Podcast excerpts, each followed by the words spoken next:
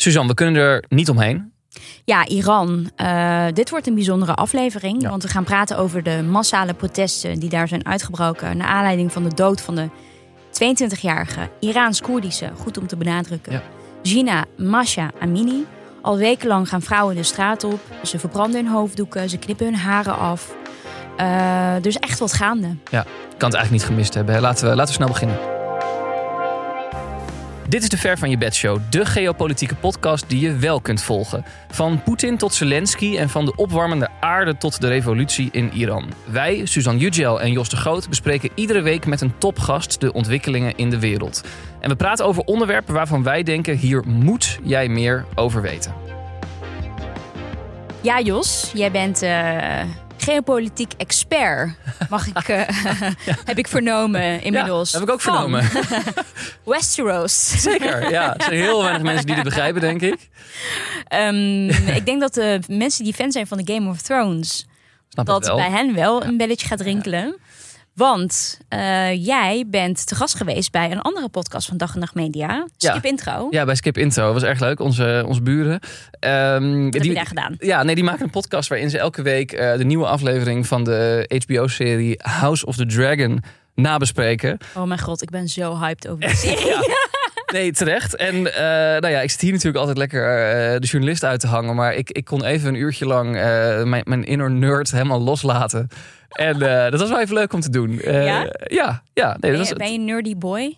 Buiten. Zeer, in, ja. In, je privé tijd? nou, ook daarbuiten. Maar ja, nee, zeker wel. En nou, ontzettend leuk om te doen. Om het een keer op een andere manier achter de microfoon te kruipen. Dus, uh... ja, dus als je Jos wil horen als geopolitieke expert van Westeros, ja. luister dan naar ja, intro. Ja, je moet wel eerst de serie kijken, anders snap je er echt helemaal niks ja, van. Dat is maar dat, uh, ja, maar wel, uh, Suzanne, leuk om weer bezig te zijn. We hebben natuurlijk nu de eerste aflevering gemaakt over de verkiezingen in Brazilië. Ja. Belangrijk om daar aandacht aan te besteden. Maar we hebben ook vorige week op vrijdag hebben wij ook een bijzondere aflevering gemaakt. Die komt nog. Precies, want we waren te gast bij de Dutch Media Week, moet ik zeggen. Uh, Beeld en geluid in Hilversum. Precies, die hadden hun uh, een uh, podcastmarathon waarbij uh, ze negen dagen lang een podcastrecord probeerden te verbreken. En wij hebben daaraan deelgenomen en gesproken met ex-Guantanamo Bay-gevangene Mohamedou Ould Slahi. Ja.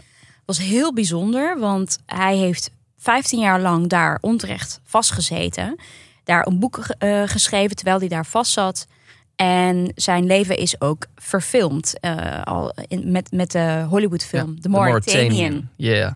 met, met allemaal ja, beroemde acteurs. Hè? Jodie ja. Foster en Benedict Cumberbatch. Niet echt een film waarvan je denkt... oh, laat ik even met een bak popcorn gezellig Mm. kijken. Maar wel heel indringend en goed Ja. gemaakt. Ja. Dus het was een, een bijzonder gesprek. die Bijzonder om hem te spreken. Ja. Ja. Later deze week ehm, komt hij online. Laten we tot die tijd naar Iran gaan. Ehm, heel veel be- eh, eh, beelden eh, bereiken ons, waaronder dit.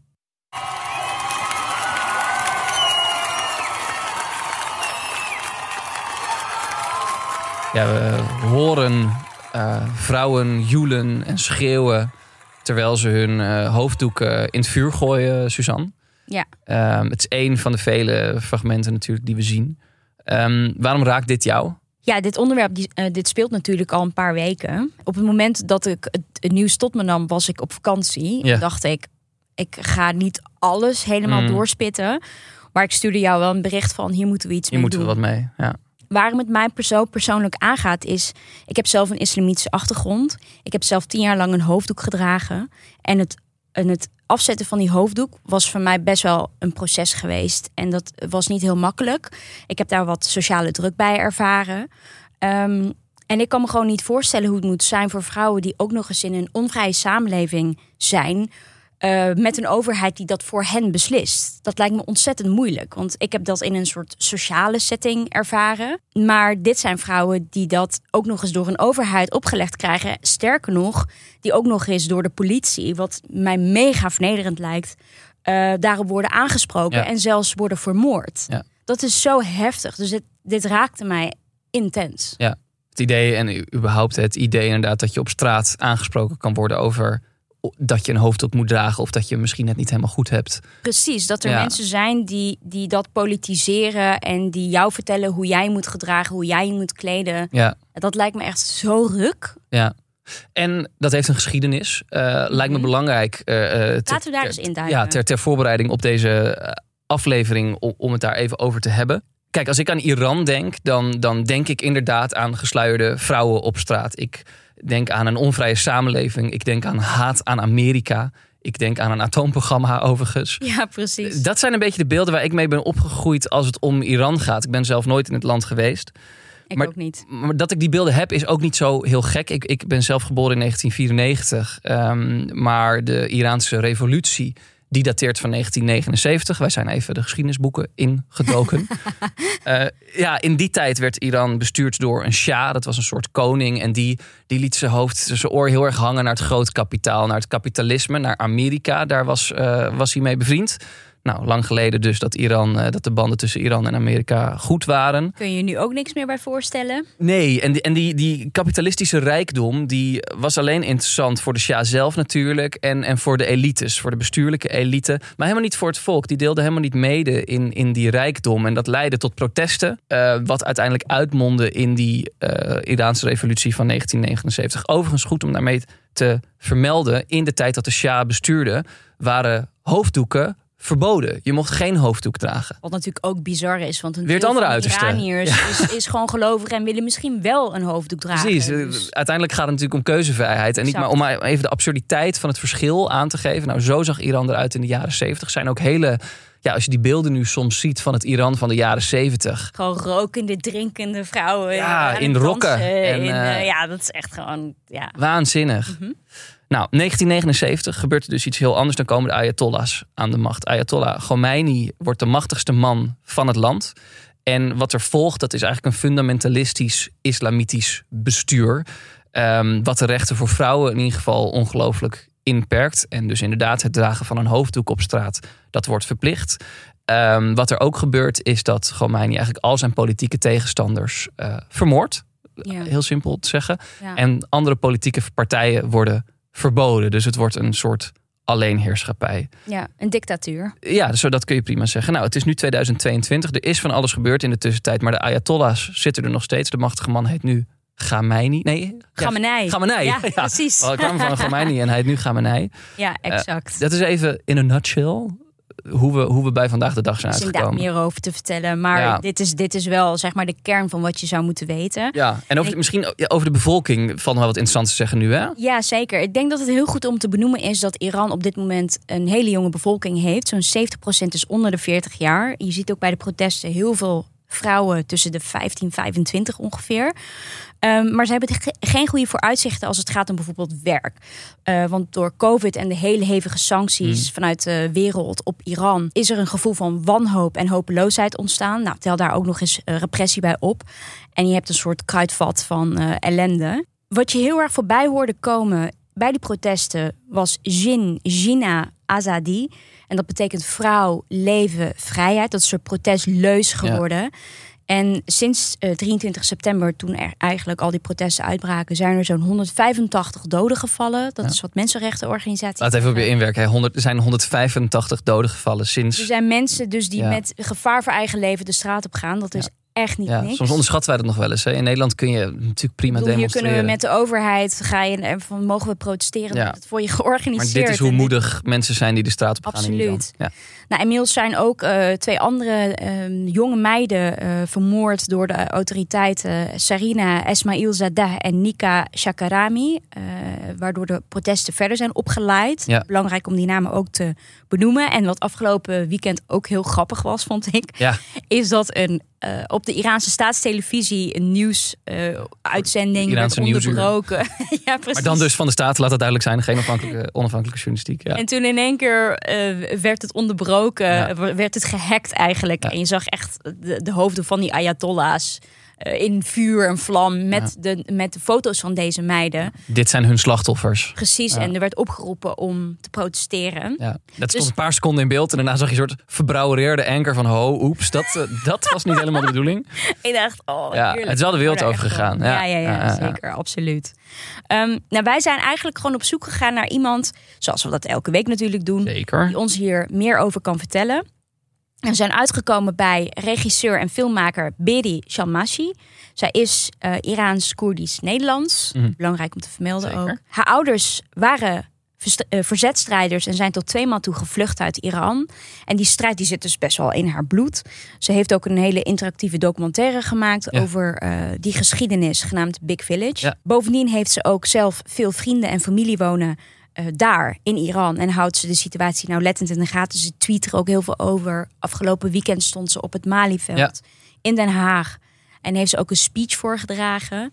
Dus ja, wie anders Volgens mij hebben we we hebben de, dan de haar? beste gast eh, gevonden die we, die, we, die we konden krijgen. Ja, absoluut. Ehm, ja, we gaan, we, gaan, we gaan met haar praten. En we gaan eigenlijk op zoek naar antwoorden op de vraag van ja.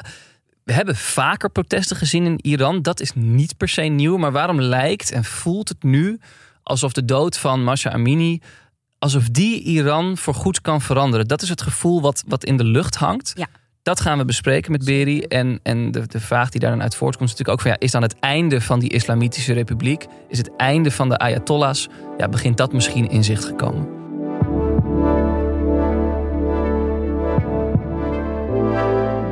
Ja, Beri, eh, welkom. Echt heel fijn dat je tijd voor ons hebt eh, gemaakt. Want ik weet dat je ongelooflijk druk bent deze dagen, weken moet ik zeggen.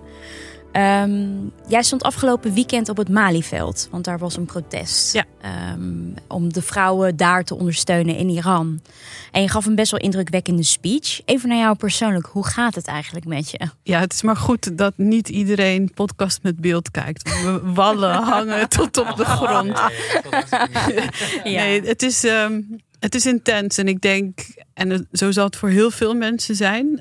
Ik leef al drie weken op adrenaline. En Mm. een paar, denk vier, vijf uur slaap per nacht. Ehm, ik word wakker met het eerste nieuws. En ik ga naar bed met een soort cliffhanger van hoe loopt dit vannacht weer af Ja. tegen de ochtend. En ik voel me ook heel verantwoordelijk eh, als filmmaker en als mens om te delen wat ik zie en hoe ik het interpreteer. En ik zie niet heel veel mensen hebben de luxe om daar tijd voor te maken. Ik ben freelancer, dus eh, ik ga failliet aan het eind van dit jaar, denk ik. Maar het is in ieder geval. Een crowdfunding voor je starten. Yes. Ja. Nee, maar dat is allemaal niet belangrijk. Maar ehm, het doet heel veel met me. Ook omdat daar familie woont. Ook omdat ik zelf ook een geschiedenis heb in dat land. En die pijn is er altijd. En dat komt nu weer allemaal tegelijk omhoog. En het is urgent. En je wil dat er wat gebeurt. En eh, je weet niet hoe lang het duurt. En of er wat gebeurt. Dus dat is allemaal heel veel eh, emoties tegelijk. Als we naar die protesten gaan in Iran, waar gaan die protesten over? Kijk, het is begonnen bij de begrafenis van een jonge vrouw die vanwege hoe ze gekleed was, eh, is opgepakt en in elkaar geslagen en eigenlijk vermoord. Dus het begon met die woede, maar onder die woede ligt natuurlijk veel meer. Allereerst gaat het inderdaad om die kledingvoorschriften, maar daar gaat het eigenlijk ook helemaal niet om. Het gaat om vrouwenrechten, het gaat om mensenrechten, het gaat om hoe je in het apparaat Iran, zoals dat nu is ingericht door de overheid, niet gewoon een normaal leven kunt leiden. Er worden honderden mensen per jaar geëxecuteerd om niks. Om hun geaardheid, om Ja. hun etniciteit, eh et cetera. Dus daar gaat het allemaal om. Eh, je kunt niet je leven inrichten zoals je zelf wil. Wanneer was jij voor het laatst in Iran? Ik was in 2004 voor het laatst in Iran. En daarna ben ik naar de filmacademie gegaan. Dus ik had toen ook al voor mezelf besloten. Vanaf nu, en ik was toen 19, eh, ga ik mijn bek open trekken. Dus ik Mm. ga ook niet meer terug. Dat is dan eigenlijk meteen de, de, be- de beslissing die daar aan vastzit. Ja, want je, je kan niet films maken zonder je vrij uit te spreken. Nee. Tenzij je natuurlijk in Iran werkt. En daarom komen er ook veel briljante films uit Iran. Zeker. Ik ben echt fan van eh, films uit Iran. Ja, te gek Ja. hè? Ja. Maar dat is dus altijd onder de censuur, censuur door proberen toch een verhaal te maken. En ik dacht, ik ben niet in Iran, dus waarom zou ik mezelf daardoor laten beperken? Wat was voor jou dan dat omslagpunt? Want ik kan me ook voorstellen dat er heel veel Iraniërs hier wonen. En die denken, ik heb daar familie wonen. Ik wil Ja. nog wel naar Iran gaan. Dus ik hou me wel in. Kijk, het omslagpunt was dat ik het sowieso eng vond om te gaan. En die zomer kwam het net zo uit dat ik. nou, Ik was al 18 geworden en ik kon dus daar zelfstandig heen. En ik vond het doodeng om daar te zijn. Eigenlijk om alles wat je nu ook hoort en ziet, vond ik dat toen al. Dus ik dacht, of ik bepaal wanneer ik niet meer ga, of zij bepalen het, dan bepaal ik het liever zelf. Want ben je het in, in Iran ook zelf, eh, de, de moraalpolitie hoor je dan nu altijd in het nieuws. Hè? De, de mensen die op straat uh, zeggen van dat je hoofddoek niet goed zit. Ja. En nu ook, nou ja, de debet zijn aan de dood van Masha Amini bijvoorbeeld. Heb, heb jij zelf met die moraalpolitie ook te, mate, te maken gehad? Kijk, die is er, dat weet je. Ik ben gelukkig niet meegenomen nee. of iets dergelijks. Maar dat hoor ik wel van vriendinnen die nog wel eens terug zijn geweest. Uh, maar ik weet wel dat ik daar ontzettend bang voor was. Ook omdat ik er niet ben opgegroeid. Dus je kent niet zo goed de culturele codes die er gelden. En hoe je zorgt dat je net niet uh, daar last van hebt. En dat is eigenlijk bij Gina Amini, uh, wat haar echte naam is, ja. ook zo gebeurd. Dat haar broertje ook al zei: moeten we wel met Gina naar Teheran? want we zijn daar toch buitenstaanders. En dan weet je niet zo goed, niet precies hoe je moet gedragen, wat je moet zeggen. En je wordt ook eerder betrapt op fouten of iets. Uh, en dat is natuurlijk veel erger als je uit Iran komt en daar eigenlijk niet meer weg kan. Maar je moet beseffen dat als een Iraanse Nederlander, of je nou wel of geen Iraanse paspoort hebt, zodra je daar voet op de grond zet, ben jij gewoon Iranier. Dus gelden al die wetten net zo goed voor jou. En kan niemand je redden eigenlijk. Heb jij daar nog familie en vrienden wonen met wie je contact hebt? Zeker. Ik heb daar veel familie wonen. Um, van mijn moeders kant, van mijn vaders kant, van mijn stiefmoeders kant. Dus eigenlijk van, van drie kanten mm. zou ik willen zeggen. En uh, veel vrienden, omdat ik vanuit de filmindustrie. Ja, dat is gewoon een reizend circus natuurlijk. Je treft elkaar over de hele wereld. Dus uh, ik ken nu ook filmmakers met wie ik om de dag zo contact heb nu. Die uh, weer onze gezamenlijke vrienden, die zijn gevangen gezet. En deze jongens die uh, hoppen van stad naar stad om maar niet opgepakt te worden. Dus, dus ja, die, die band is er. Uh, en daarmee ook de verantwoordelijkheid om ook ruimte voor hen te maken in het gesprek over de ernst van de situatie. Het is natuurlijk niet de eerste keer dat we zien dat er protesten zijn in Iran. Maar op de een of andere manier lijkt er nu iets in de lucht te hangen. Lijkt, het gevoel er te zijn. Maar nu kan er echt iets gaan veranderen. Um, heb jij dat gevoel overigens ook? Ja, absoluut. En dat zeg je eigenlijk heel mooi. Um, en natuurlijk heeft elk protest iets te maken en de moed van de mensen met de protesten daarvoor. Dus het wordt, uh, het wordt eigenlijk allemaal laag voor laag opgebouwd tot het iets wordt. Uh, waardoor uh, er iets breekt. Ik heb het gevoel dat er iets gebroken is. En ik heb dat eigenlijk het meest, meer nog dan blokken in wijken die worden afge, afgepakt van het mm. regime. Meer nog dan uh, alle stakingen in Teheran en heel veel andere steden. Heb ik vooral het gevoel door eigenlijk de jeugd. Door de tienermeisjes die we de afgelopen dagen op social media voorbij zien komen. Die um, posters van de Ayatollahs verscheuren, middelvingers uitsteken, hun portretten uit hun schoolboeken verbranden. Kippenvel. Ja. Het is zo dat beeld. Zo machtig. Wow, zo, zo moedig. Ja. Zo moedig. Ja. Hebben jullie dat beeld gezien? Jou. Hebben jullie ook dat beeld gezien met uh, die schoolmeisjes die een uh, ja, ik denk een soort directeur op ja. school uitjoelen. Ja, wat, oh, wat, wat, ze zeggen iets in het Iraans. Ja, wat ze zeggen ze Sharaf. Ze zeggen oh, ja. eigenlijk, uh, ja, hoe, je kan het bijna niet vertalen, maar een soort van eerloos. Ja. of, uh, soort van combinatie van schaam je voor wie je bent en loser, mm. zou ik ze willen zeggen, als je het vertaalt. Ja. En daar is iets gebroken. En of dat nou nu de komende tijd iets oplevert of over twintig jaar bij wijze van, die generatie is niet meer bang, ondanks de doden, ondanks het geweld, niet meer bang voor de Ayatollahs. Het is een, voor hen een spook waar ze nu gewoon niet meer in geloven. Want dat is natuurlijk de, de, de vraag die er voor heel veel mensen onder ligt. We, we zien dit hier. Um, blijven die Ayatollahs aan de macht? Blijft dat, dat fundamentalistisch-islamitische regime wat er is, is dat aan het afbrokkelen? Of kun je dat eigenlijk nog niet zeggen? Dat is dus de grote vraag. En dan is de volgende vraag eigenlijk: is het goed als dat een beetje afbrokkelt mm. en dan in een mildere variant blijft? Of is het eigenlijk gewoon helemaal weg ermee? En is dat laatste op, überhaupt mogelijk? Uh, hoe krijg je deze mannen van hun troon ja. af? Ik wil eigenlijk nog één stap terug, want die, die meiden, hè? je zegt ze zijn gewoon niet meer bang. Waar komt dat vandaan? Waar komt het vandaan dat zij gewoon niet bang zijn? Ja. En dus blijkbaar tegen zijn schooldirecteur eerloze zeggen en met middelvingers naar, eh, naar de Ayatollahs eh, opsteken. Kijk, en dit is natuurlijk een soort van. Hoe, hoe zeg je dat? Psychologie van de koude. Hoe zeg Van de koude grond, ja. Ja.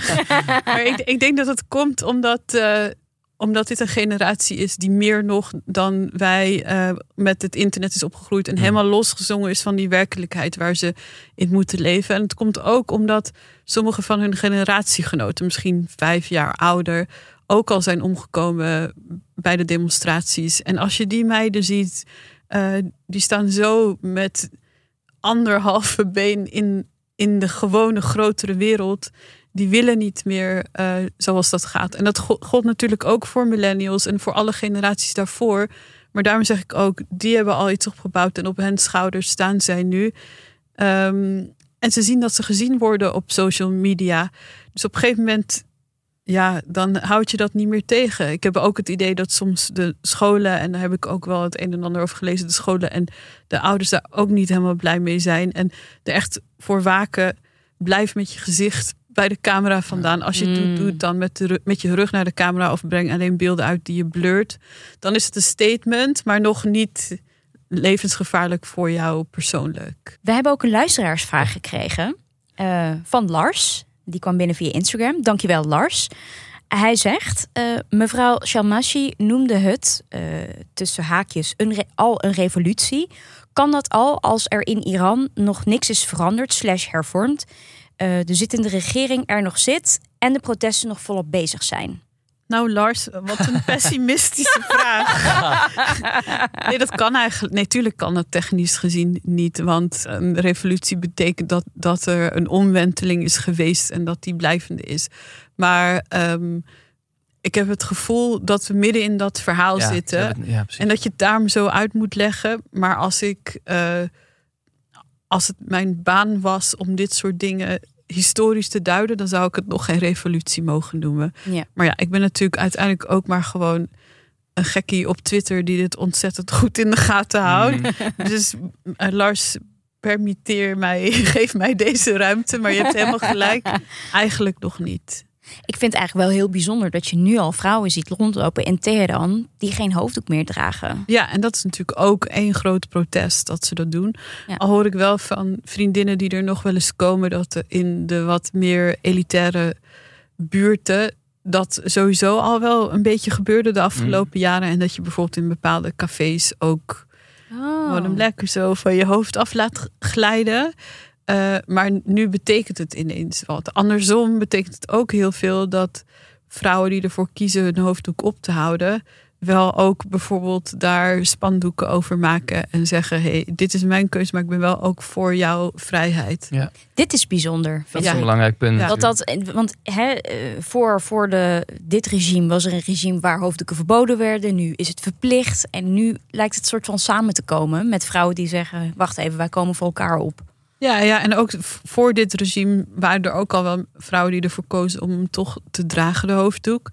En je wil uiteindelijk gewoon een, een- dat je over je eigen lichaam en je Ja. eigen leven beschikt en daar zelf je keuzes in maakt. Wat ik eigenlijk zelf nog niet, want ik veel gelezen, veel gezien. Ik snap nog niet zo goed. Wat is nou het belang van de Koerdische achtergrond in, die, eh, in dit conflict eigenlijk? Hè? Want ehm, ehm, ik begrijp dat eh, het Iraanse regime de schuld, zeg ik even tussen aanhalingstekens, tekens, van de protesten legt ehm, bij, de, de, de, de Koerdische, eh, bij- de Koerdische Iraniërs.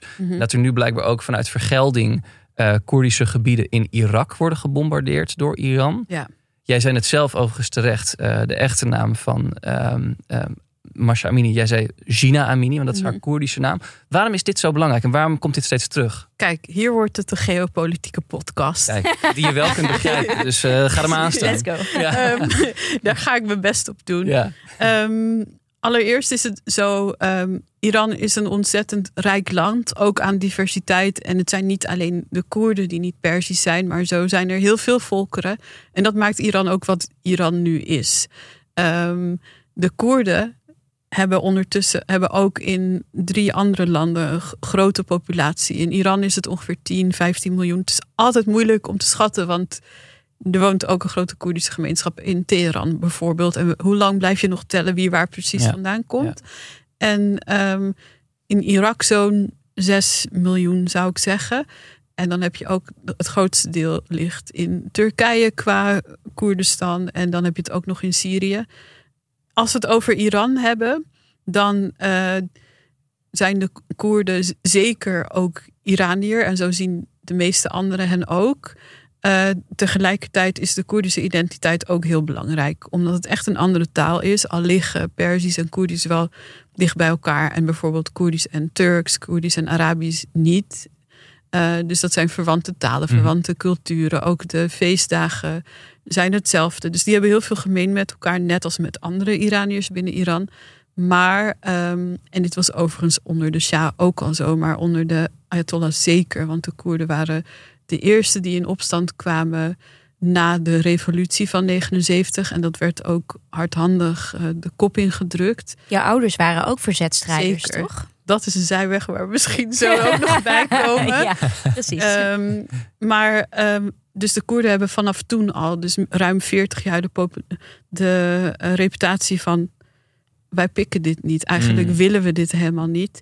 En um, met als gevolg dat bijvoorbeeld onderwijs in het Koerdisch verboden is. Dat het ook verboden is. En dat, hoe dat verboden is, dat komt door de ambtenaren die dan dat moeten registreren. Maar verboden is om uh, je Koerdische naam in je paspoort oh te krijgen, formeel te krijgen. Dus wat de meeste mensen doen, die proberen het niet eens, maar die geven gewoon een acceptabele naam op. Wat Masha was in dit geval. Terwijl ze thuis uh, Masha Amini gewoon Gina werd genoemd. En waarom is het vervolgens belangrijk dat zij Koerdisch is? Uh, ten eerste omdat anders die identiteit verloren gaat en daarmee wint het regime ook. Maar mhm. ook omdat de repressie in Koerdische gebieden verschrikkelijk is en veel meer ook qua statistieken meer, uh, dus zichtbaar meer dan in andere gebieden. Is dat ook omdat de strijd daar heviger is? Omdat zij zich heviger verzetten tegen dit dat moment? Ja, maar we hebben het dan, als we het dan eerst hebben over, over dat gewoon een meisje dat toevallig daar geboren is, is een keer naar Teheran gaat, dat ze dan toch ja, bang zijn dat daar toch al meer verzet in zit. En andersom zit er waarschijnlijk ook al meer trauma in. Uh, en dat, dat, dat historisch zo is. Ja, dat is zo. En natuurlijk is dat interpretatie, maar dat is wel waarschijnlijk hoe, hoe zoiets gaat. Uh, dus de discriminatie tegen Koerden is er feitelijk ook als je kijkt naar cijfers van executies. Uh, en ook zeker um, de onderdrukking in de regio, maar ook de, zelfs op het niveau van of je aan het werk komt. Uh, dus systematisch word je eigenlijk buitengesloten van mhm. het iets gewonere leven, wat ook al niet per se heel goed is, zoals je nu merkt. Ja dan komt daar dus bij uh, dat uh, om Iran onrustig te houden, het een hele goede truc is om te zeggen, maar de Koerden willen zich afscheiden. En dat kan je heel makkelijk gooien op dat er nog een Koerdische oppositie bestaat, die is eigenlijk verbannen of verdreven naar uh, Irak. En vanuit daar besturen zij nog.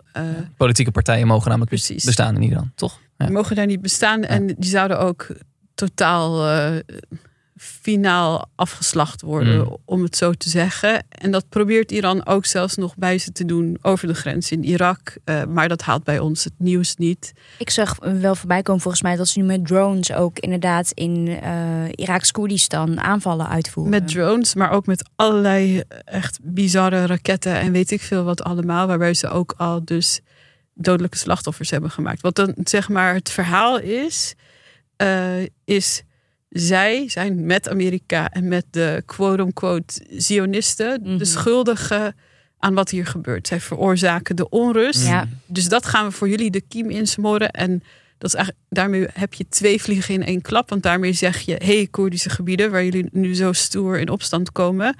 Uh, denk maar niet dat wij ruimte maken voor jullie, jullie troepen om het land in te komen en jullie hierbij te helpen. Waardoor de oppositie in het buitenland, in Irak vervolgens denkt: we waren sowieso niet van plan om ons hier te veel mee te mengen. Dus dit is de strijd van het volk. En als wij nu ondersteunen, dan wordt het één groot bloedbad. Dus dat gaan we niet doen.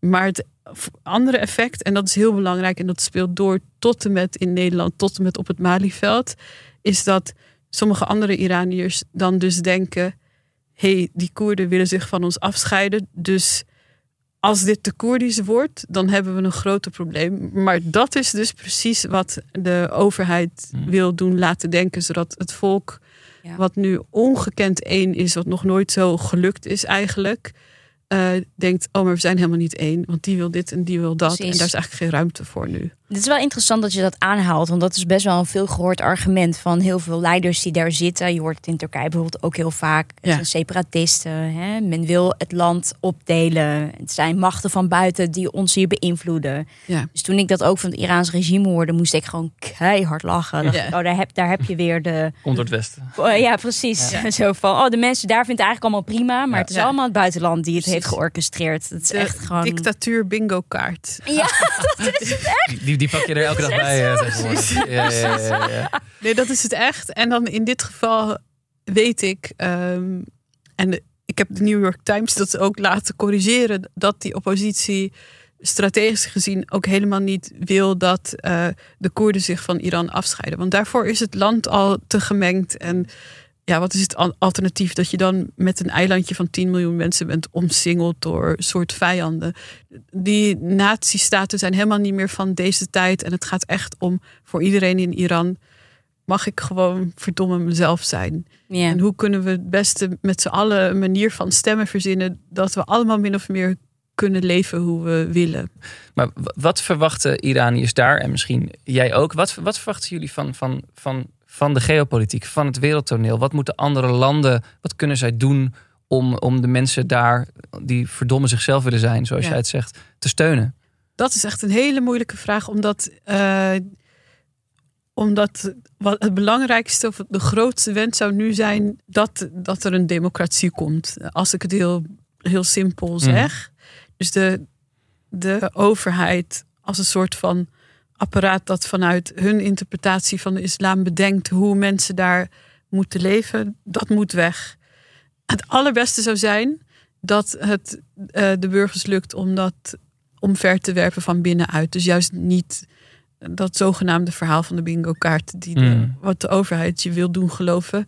Eigenlijk zou het goed zijn als de wereld zich erbuiten houdt. Tegelijkertijd heeft iedereen daar ontzettend de ogen en de stemmen en de echo van iedereen daarbuiten nodig. Er wordt gesproken van sancties bijvoorbeeld, maar er, Mhm. zijn, er is al ontzettend veel op dat gebied gebeurd ja, want waar denk jij dat volk dat ook last van heeft. Precies, denk je dat het een Mm. goed idee is om nog meer sancties tegen Dat is dus heel ingewikkeld. En dat is dus, daar wil ik als iemand buiten Iran eigenlijk geen eh, keuze in voorleggen. Nee. Niet dat trouwens iemand naar mij luistert. nou ja, je, weet- je weet niet wie er tussen ons Nee, luistert. precies. zit, eh, Maar, maar ik denk dat dat in, als dat voorkomen zou kunnen worden, dan is dat heel goed. Er zijn wel andere pressiemiddelen die bijvoorbeeld Canada al heeft aangekondigd, waarin eh, de leden va- van dat regime.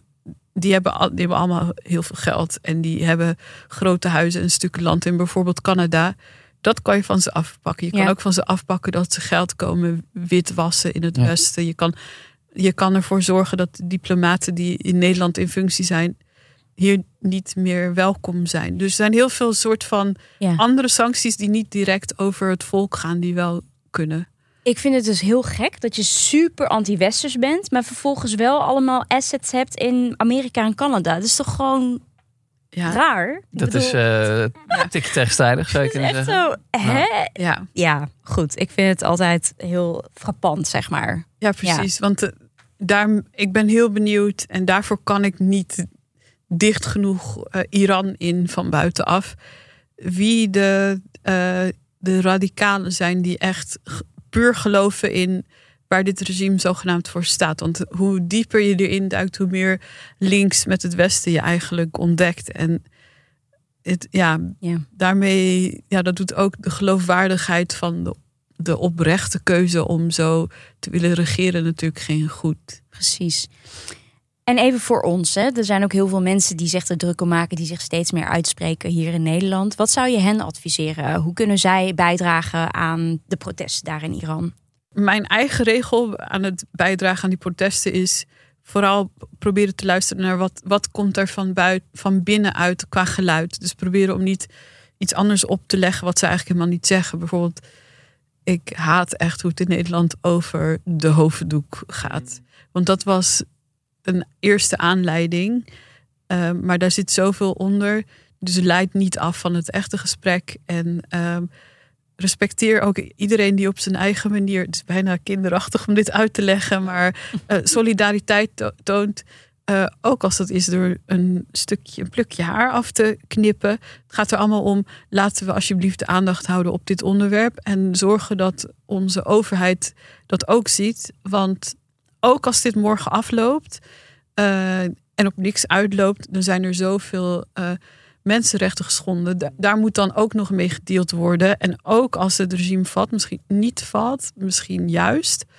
Als het niet valt, misschien kunnen we dan eens wereldwijd meekijken met um, hoe uh, deze overheid, hoe de Ayatollahs en hun regime, hoe die met mensenrechten omgaan. Ja.